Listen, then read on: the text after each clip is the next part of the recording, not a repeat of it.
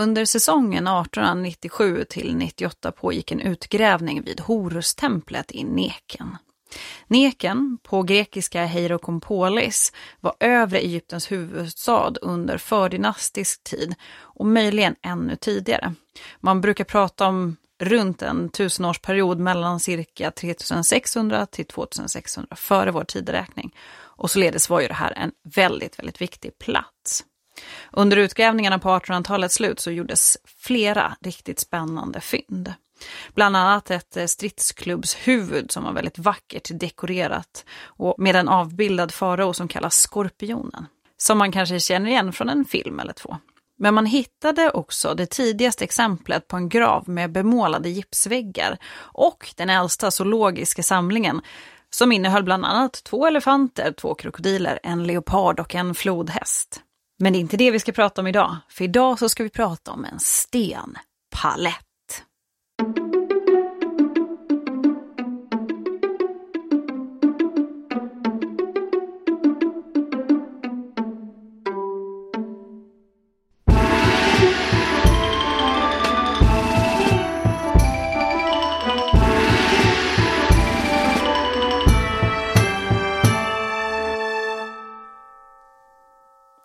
Hej och välkomna till Podius Castus, en podd om antiken och till det här minisnittet med mig, Hanna. Idag ska vi som sagt titta närmare på ett arkeologiskt fynd som har påverkat hur man berättar det tidiga forna Egyptens historia och som har debatterats väldigt länge. Och det är Narmerpaletten. Narmerpaletten är en 63 cm hög sköldformad tavla som skurits ut ur en flat grågrön siltsten den är utskuren i ett stycke och har reliefer på båda sidor som bland annat avbildar tidiga exempel på hieroglyfer. Den här paletten brukar dateras till cirka 3200 till 3000 före vår tideräkning. Och då rör vi oss i gråzonen mellan tidsperioderna som vi brukar kalla fördynastisk tid och tidig dynastisk tid. Och Narmerpaletten representerar faktiskt själva brytpunkten mellan de här perioderna. Men eh, mer om det senare. Och är man mer intresserad av de här perioderna och lite kort vad som händer, då kan jag tipsa om vårt referensavsnitt om just Egypten. För till att börja med, vad är då en palett i just den här kontexten? Jo, paletter var en typ av stenplatta som användes för att riva och blanda kosmetika. Och de kunde ju även ha en rituell och en dekorativ funktion.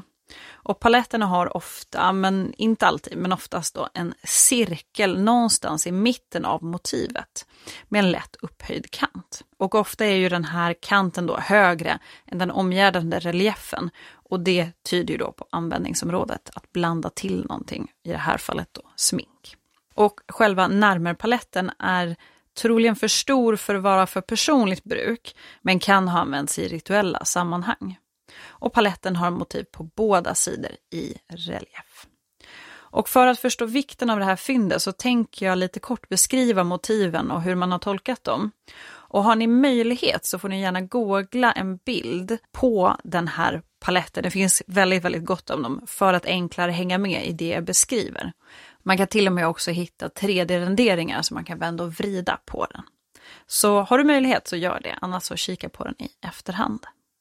Överst på närmarpaletten, på båda sidorna, så finns det en serek. Det är en hieroglyf som symboliserar faromakten. Och den ser ut som en palatsfasad i en rektangel. Och inom rektangeln på just den här paletten kan man se två symboler. Det första är nr, havskatt, och sen är det mr, mejsel. Och det är alltså den fonetiska representationen av Narmers namn. Ibland så representeras han bara med havskatten, men ofta med båda. Och på varsin sida om det här så syns ett kvinnligt ansikte med kraftigt kurvade horn som svänger inåt. Och de här ansiktena representerar kogudinnan Bat. Bats horn böjer sig inåt mot varandra till skillnad från den andra kogudinnan Hators horn som ofta svänger lätt utåt i spetsarna. I övrigt så avbildas de här väldigt likt varandra. Men i det här fallet är det då troligen Bat som finns med. Och under den här övre sektionen, som ser likadan ut på båda sidor, visas olika motiv. Om vi då först tittar på framsidan så är den indelad i två fält. Det översta är mycket större än det nedre. Om vi börjar då i det översta, då är ju såklart den största figuren Narmer. Han står redo och lyfter en stridsklubba i sin högra hand medan han med sin vänstra drar upp en fånge i håret. Och på den här sidan så bär han den övre Egyptens vita krona. Kom ihåg det, för det är viktigt. Han visas också, som är ganska typiskt, i flera perspektiv samtidigt. Hans fötter, ben och huvud visas helt i profil, medan bålen och höfterna är något vridna mot betraktaren och hans axlar är vända helt och hållet mot betraktaren. I ansiktet så visas ett öga också helt vänt mot betraktaren, som man ju annars bara skulle skymta, men här tittar det rakt mot betraktaren. Och Narmer bär inte bara en krona utan också ett höftskynke med ett bälte. Och på bältet så sitter fyra tofsar som var och ett är försedda med huvudet på gudinnan Bat. Och på baksidan av bältet så hänger en lång svans, kanske en tjursvans. Och Narmer är ju som sagt störst, men bakom honom så ser man en annan man och det här är hans sandalbärare. Men det finns också mer på den här paletten. Vi har Narmer som håller i sin stridsklubba och drar en fånge i håret. Vi har sandalbäraren och ovanför fången, alltså då på den högra sidan av paletten om man tittar rakt på den, så finns det en falk som representerar guden Horus. Och den här falken sitter uppflugen ovanför en uppsättning av papyrusblommor och de är symbolen för nedre Egypten. I klorna så håller han ett eh, repliknande föremål som ser ut att vara fäst vid näsan på ett manshuvud som också kommer fram ur de här papyrusblommorna. Den här symbolen ser väldigt, ja, nästan lite lustig ut med det här huvudet som sticker ut. Så att den är, har man sett den brukar man komma ihåg den. Och nedanför den här då scenen, eh, alltså hela det här fältet, så finns ett mindre fält längst ner på paletten. Den är ju som sagt sköldformad, så här är liksom ner mot ja, spetsen eller rundningen. Och I det här mindre fältet så ses två stycken döda fångar. Och samtliga av de här fienderna, eller vad man ska kalla dem, bär samma frisyr. Och det särskiljer dem från Narmer och Sandalmannen. Och möjligen kan då de här liken längst ner på den här sidan representera två stycken erövrade städer. Och det var då framsidan. Och hur ser då baksidan ut? Jo, den är faktiskt indelad i tre fält, varav det översta och det understa är mindre än det som är i mitten. Och återigen så är det ju narmer som är viktigast. Och överst, om vi tar det översta fältet och jobbar oss uppifrån och neråt, så kan vi se vad som verkar vara en procession. Narmer som är längst till vänster är betydligt större än någon annan och det är för att göra det extra tydligt att han är viktigast. Här så bär han den röda kronan för nedre Egypten. Även här håller han i en stridskrubba och det är ju en traditionell symbol för kungamakten och i det här fallet också kanske en krigisk symbol. Även på den här sidan så finns hans sandalbärare bakom honom. Men framför Narmer går ett par andra figurer. Direkt framför honom finns det en långhårig man iklädd vad som ser ut att vara ett leopardskinn. Och det här har ibland tolkats som en präst. Och framför den här då prästfiguren så har vi fyra stycken fanbärare. Och de håller upp lite olika saker, bland annat ett djurskinn, en hund och två stycken falkar. Och de är något mindre i förhållande till prästfiguren. Och framför allt det här, då har vi nästan kommit till mitten av paletten om vi går från vänster till höger så finns det något som sticker ut lite. Och då finns det, eller ligger det, tio stycken halshuggna lik på rad. Att de är halshuggna är ganska lätt att se, för huvudet är avlägsnat och ligger mellan fötterna och benen. Dessutom har de flesta av de här eh, avskurna könsorgan som sticker ut ur munnarna. Och de här figurerna brukar tolkas som personer eller möjligtvis städer som fallit offer för en erövring som Narmer då har satt igång. För ovanför de här tio liken så finns det symboler. Det finns ett skepp, en falk och en harpun. Och det här har man funderat på om det indikerar namnen på städer som är erövrade av Narmer. Om vi då lämnar det översta fältet och går vidare till mittenfältet, det största fältet på den här sidan, så ser man två stycken män som är framåtlutade och håller i varsitt rep. De här repen är bundna till utsträckta och sammanflätade halsar för två stycken serpopader som står mitt emot varandra. Och vad är då en serpopad kanske du undrar? Jo, det är en mytologisk varelse och det är en blandning av en orm och en leopard. Eh, så tänk dig en leopard som har en jättelång hals och sen typ ett leopardhuvud. Det är ungefär det det ser ut som. Och cirkeln som bildas av de här böjda halsarna är ju den centrala delen av paletten och den här cirkeln som jag nämnde i början som är lite upphöjd och där man då kan blanda till kosmetika. Under den här serpopadscenen och längst ner på den här sidan då ses en tjur och den här tjuren stångar ner murarna på en stad medan han såklart trampar på en fallen fiende. Och det här har man ofta tolkat som att tjuren då symboliserar Narmer som besegrar sina fiender. För tjurar hade ju en ideologisk koppling till det egyptiska kungadömet ganska tidigt. Men vem var då Narmer? Vi har pratat om att han syns på båda sidor av den här Narmerpaletten. Eh, och han är ju störst, alltså viktigast. Han bär kronor på båda sidorna. Men vem han var? Ja, det är faktiskt knäckfrågan i det här. Det är inte alls så enkelt att svara på. Och till att börja med så rör vi oss ju mer än 5000 år tillbaka i tiden. Så fynd och bevis från den här perioden är ju inte överväldigande många, även om det faktiskt finns en hel del. Och dessutom, så här tidigt i det forna Egyptens historia är det inte alls enkelt att bena ut regentlängden. Och det är egentligen det det här handlar om. För det finns tillräckligt mycket bevis för namnet Narmer, som då således borde ha varit en faktisk person och en farao. Men det räcker inte riktigt. Det som egyptologer är överens om, det är att i det forna Egyptens tidiga historia så var Egypten två olika riken.